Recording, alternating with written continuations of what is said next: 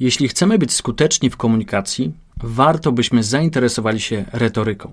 O retoryce wspominałem choćby w drugim odcinku pod tytułem Potrójności w perswazji. Dziś też będzie o retoryce. Nie tak ogólnie, ale o wąskim wycinku retoryki. O pewnej pięknej figurze retorycznej, jednej z moich ulubionych, a jednocześnie takiej, o której większość osób nawet nie słyszała. Ta figura to anadiploza. To jest podcast Prosta Komunikacja, a ja nazywam się Piotr Garley. Moją misją jest to, by być Twoim przewodnikiem po świecie prezentacji i komunikacji. Byś mogła, byś mógł rozwijać swoje kompetencje komunikacyjne i tym samym swoją karierę. Rozmawiamy więc tutaj o skutecznej komunikacji w biznesie, o prezentacjach, storytellingu i retoryce. Odcinek ósmy Anadiploza retoryczny łańcuszek argumentów. Jedna z zasad prostej komunikacji brzmi: zaczynaj od ogółu, a dopiero potem przechodź do szczegółu. Zgodnie więc z tą zasadą wyjaśnię, czym w ogóle jest retoryka. Definicji retoryki jest ponoć kilkaset. Ja widzę, a właściwie czuję retorykę poprzez taką moją definicję. To dziedzina o skuteczności wypowiedzi i argumentowania. Dziedzina bardzo stara, bo zapoczątkowana mniej więcej 200 lat przed Arystotelesem. Ma więc bez mała 2,5 tysiąca lat. Retoryka nie jest jednak dziedziną zawierającą żelazne zasady i wzory, tak jak na przykład fizyka bądź matematyka. Nie da się więc wziąć konkretnych słów i podstawić pod z góry ustalone wzorce, by otrzymać jakiś dobry rezultat. Retoryka podsuwa raczej wytyczne, drogowskazy, zalecenia, a nie konkretne i niepodważalne reguły. W praktyce retoryka jest zatem bardziej intuicją językową niż nauką w rozumianym dziś sensie. Intuicją, którą nabywamy poprzez zanurzenie się w świat retoryczny. O fascynujących początkach retoryki z pewnością przyjdziemy jeszcze kiedyś zrobić odcinek. Dziś jednak chciałbym się skupić na jednym bardzo wąskim aspekcie retoryki. Wspomniałem bowiem, że retoryka podsuwa nam drogowskazy, jak mówić lepiej i jak skuteczniej przekonywać. Jednym z takich drogowskazów są figury retoryczne i stylistyczne. Jest nimi cała masa różnych schematów językowych. Najbardziej znane figury to metafora, analogia, epitet. Uczyliśmy się o nich w szkole, prawda? Dziś opowiem o figurze stylistycznej, która nie jest tak znana, a która w perswazji jest tym, czym backhand w repertuarze zagrań Rogera Federera. Ta figura nazywa się anadiploza. Na czym ona polega? Polega na tym, że powtarzamy ostatnie słowo w zdaniu lub frazie, ale powtarzamy je w bardzo specyficznym miejscu na początku kolejnego zdania lub frazy. Czyli bierzemy ostatnie słowo lub frazę i powtarzamy je na początku kolejnego zdania. Przykład.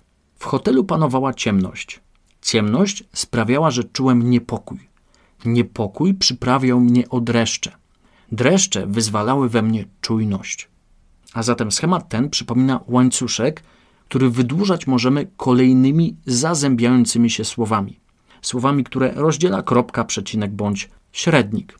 Przy czym te powtarzane słowa nie muszą być dokładnie w tym samym brzmieniu. Mogą mieć inną formę gramatyczną, mogą być też uzupełniane o niezbędne słowa dodatkowe. Ważne, by kluczowe słowo, na bazie którego zbudowana jest myśl, było powtórzone. Niektórzy mistrzowie retoryki lubują się w stosowaniu tej figury retorycznej. Za takiego uznać można chociażby Baracka Obamę, który swego czasu powiedział: Jeden głos może zmienić pokój.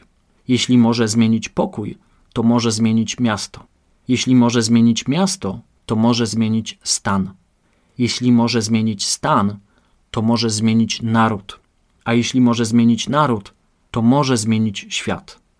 Piękny i inspirujący cytat. Uwielbiam go.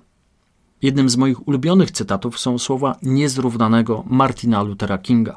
Jeśli nie umiesz latać, biegnij. Jeśli nie umiesz biegać, chodź. Jeśli nie umiesz chodzić, czołgaj się.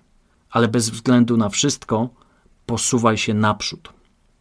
Tak, Martin Luther King zapisał się w historii retoryki XX wieku kilkoma wybitnymi mowami i wieloma genialnymi myślami, które potrafił ubierać w hipnotyzującą i przyjemną dla ucha formę. Tutaj była właśnie anadiploza. Wróćmy na chwilę do samej definicji. Anadiplosis po grecku oznacza powtórzenie. Starożytni retorzy lubowali się w wielu odmianach powtórzeń. To jedno anadiploza jest jednak szczególne, bo pozwala tworzyć wyjątkowo harmonijne układy zdań. Powstaje swego rodzaju łańcuszek, który można ciągnąć i ciągnąć. Dzięki temu ma się wrażenie, że wszystko jest ze sobą zadziwiająco logicznie połączone. Połączone i powtórzone, a dzięki powtórzeniu wyeksponowane. No, nawet to ostatnie zdanie też ułożyłem w formie anadiplozy. Oto kilka przykładów zastosowania anadiplozy w znanych mowach, publikacjach i tekstach kultury. Malcolm X powiedział kiedyś: Gdy raz zmienisz swoją filozofię, zmienisz swój sposób myślenia. Gdy zmienisz swój sposób myślenia, zmieni się Twoje podejście. Gdy zmienisz swoje podejście, zmieni się Twój wzorzec zachowania, a następnie podejmiesz pewne działania. Piękną anadiplozą posłużyła się swego czasu Margaret Thatcher. Bez zdrowej gospodarki nie możemy mieć zdrowego społeczeństwa, a bez zdrowego społeczeństwa gospodarka długo nie pozostanie zdrowa. Jedna z finałowych scen filmu Gladiator zawierała krótki monolog cesarza Komodusa, granego przez Joaquina Phoenixa. Generał, który stał się niewolnikiem. Niewolnik, który stał się gladiatorem. Gladiator, który przeciwstawił się cesarzowi. Poruszająca historia. Inny przykład ze świata filmu, tym razem z Gwiezdnych Wojen. Mistrz Joda swoim charakterystycznym, skrzeczącym głosem mówi Strach to ścieżka do ciemnej strony. Strach prowadzi do gniewu. Gniew prowadzi do nienawiści. Nienawiść prowadzi do cierpienia. Może się wydawać, że anadiploza to figura retoryczna pełna patosu. Może i tak, ale w sytuacjach codziennych biznesowych też może mieć zastosowanie.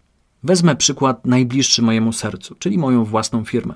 Z anadiplozą mogę powiedzieć o niej w ten sposób. Szkolenia z komunikacji i prezentacji robimy tak, by były one procesem. Procesy rozłożone w czasie dają większe zapamiętanie. Zapamiętanie daje prawdziwą transformację. Zatem naszym celem nie jest odbębniać szkolenia. Szkolenia robimy po to, by w firmach dokonywały się zmiany na lepsze, zmiany namacalne i zauważalne. Inne przykłady anadiplozy ze świata biznesowego. Klienci chcą niskich cen. Niskie ceny zwiększają konkurencję. Konkurencja daje innowacje, innowacje dają zyski. Inny przykład. Jeśli nie zmienimy strategii, będziemy mieli problemy. Problemy będą się piętrzyć i powtarzać. Powtarzane błędy doprowadzą z kolei do naszego bankructwa. Jeszcze inny przykład. Innowacje stymulują rozwój produktów. Rozwój produktów generuje konkurencyjność, a konkurencyjność sprzyja kolejnym innowacjom. Kolejny przykład. Zadowoleni pracownicy tworzą pozytywną atmosferę. Pozytywna atmosfera sprzyja produktywności, a wysoka produktywność przekłada się na większe zyski. Inny przykład. Doskonała obsługa klienta tworzy lojalność. Lojalność klientów generuje powtarzalność transakcji, a powtarzalność transakcji wpływa na naszą stabilność finansową. Jeszcze inny przykład. Skrupulatna analiza rynku umożliwia identyfikację trendów. Identyfikacja trendów pozwala na dostosowanie strategii, a dostosowanie strategii jest kluczowe dla utrzymania konkurencyjności. Jeszcze inny przykład. Świadomość marki buduje rozpoznawalność. Rozpoznawalność generuje popyt, a popyt daje nam klientów. I ostatni przykład. Efektywne zarządzanie czasem prowadzi do lepszej organizacji pracy. Lepsza organizacja pracy skutkuje zwiększoną produktywnością, a zwiększona produktywność przekłada się na większe zyski. To, co najbardziej urzeka w anadiplozie, to jej rytm.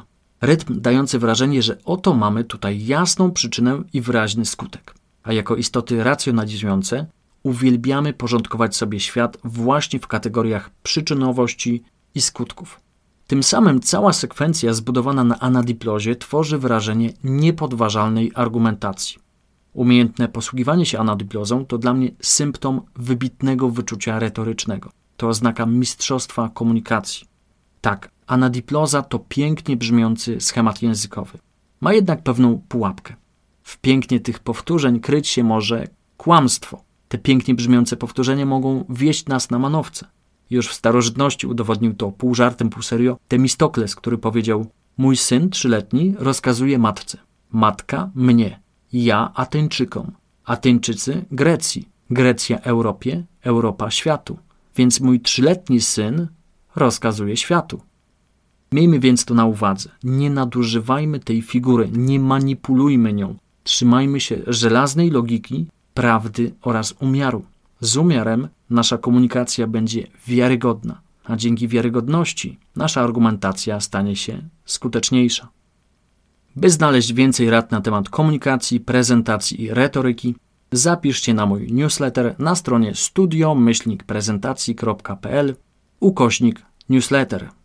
A jeśli chcesz zostać mistrzem lub mistrzynią komunikacji, zapytaj mnie o szkolenie dla Ciebie lub Twojego zespołu. Do usłyszenia.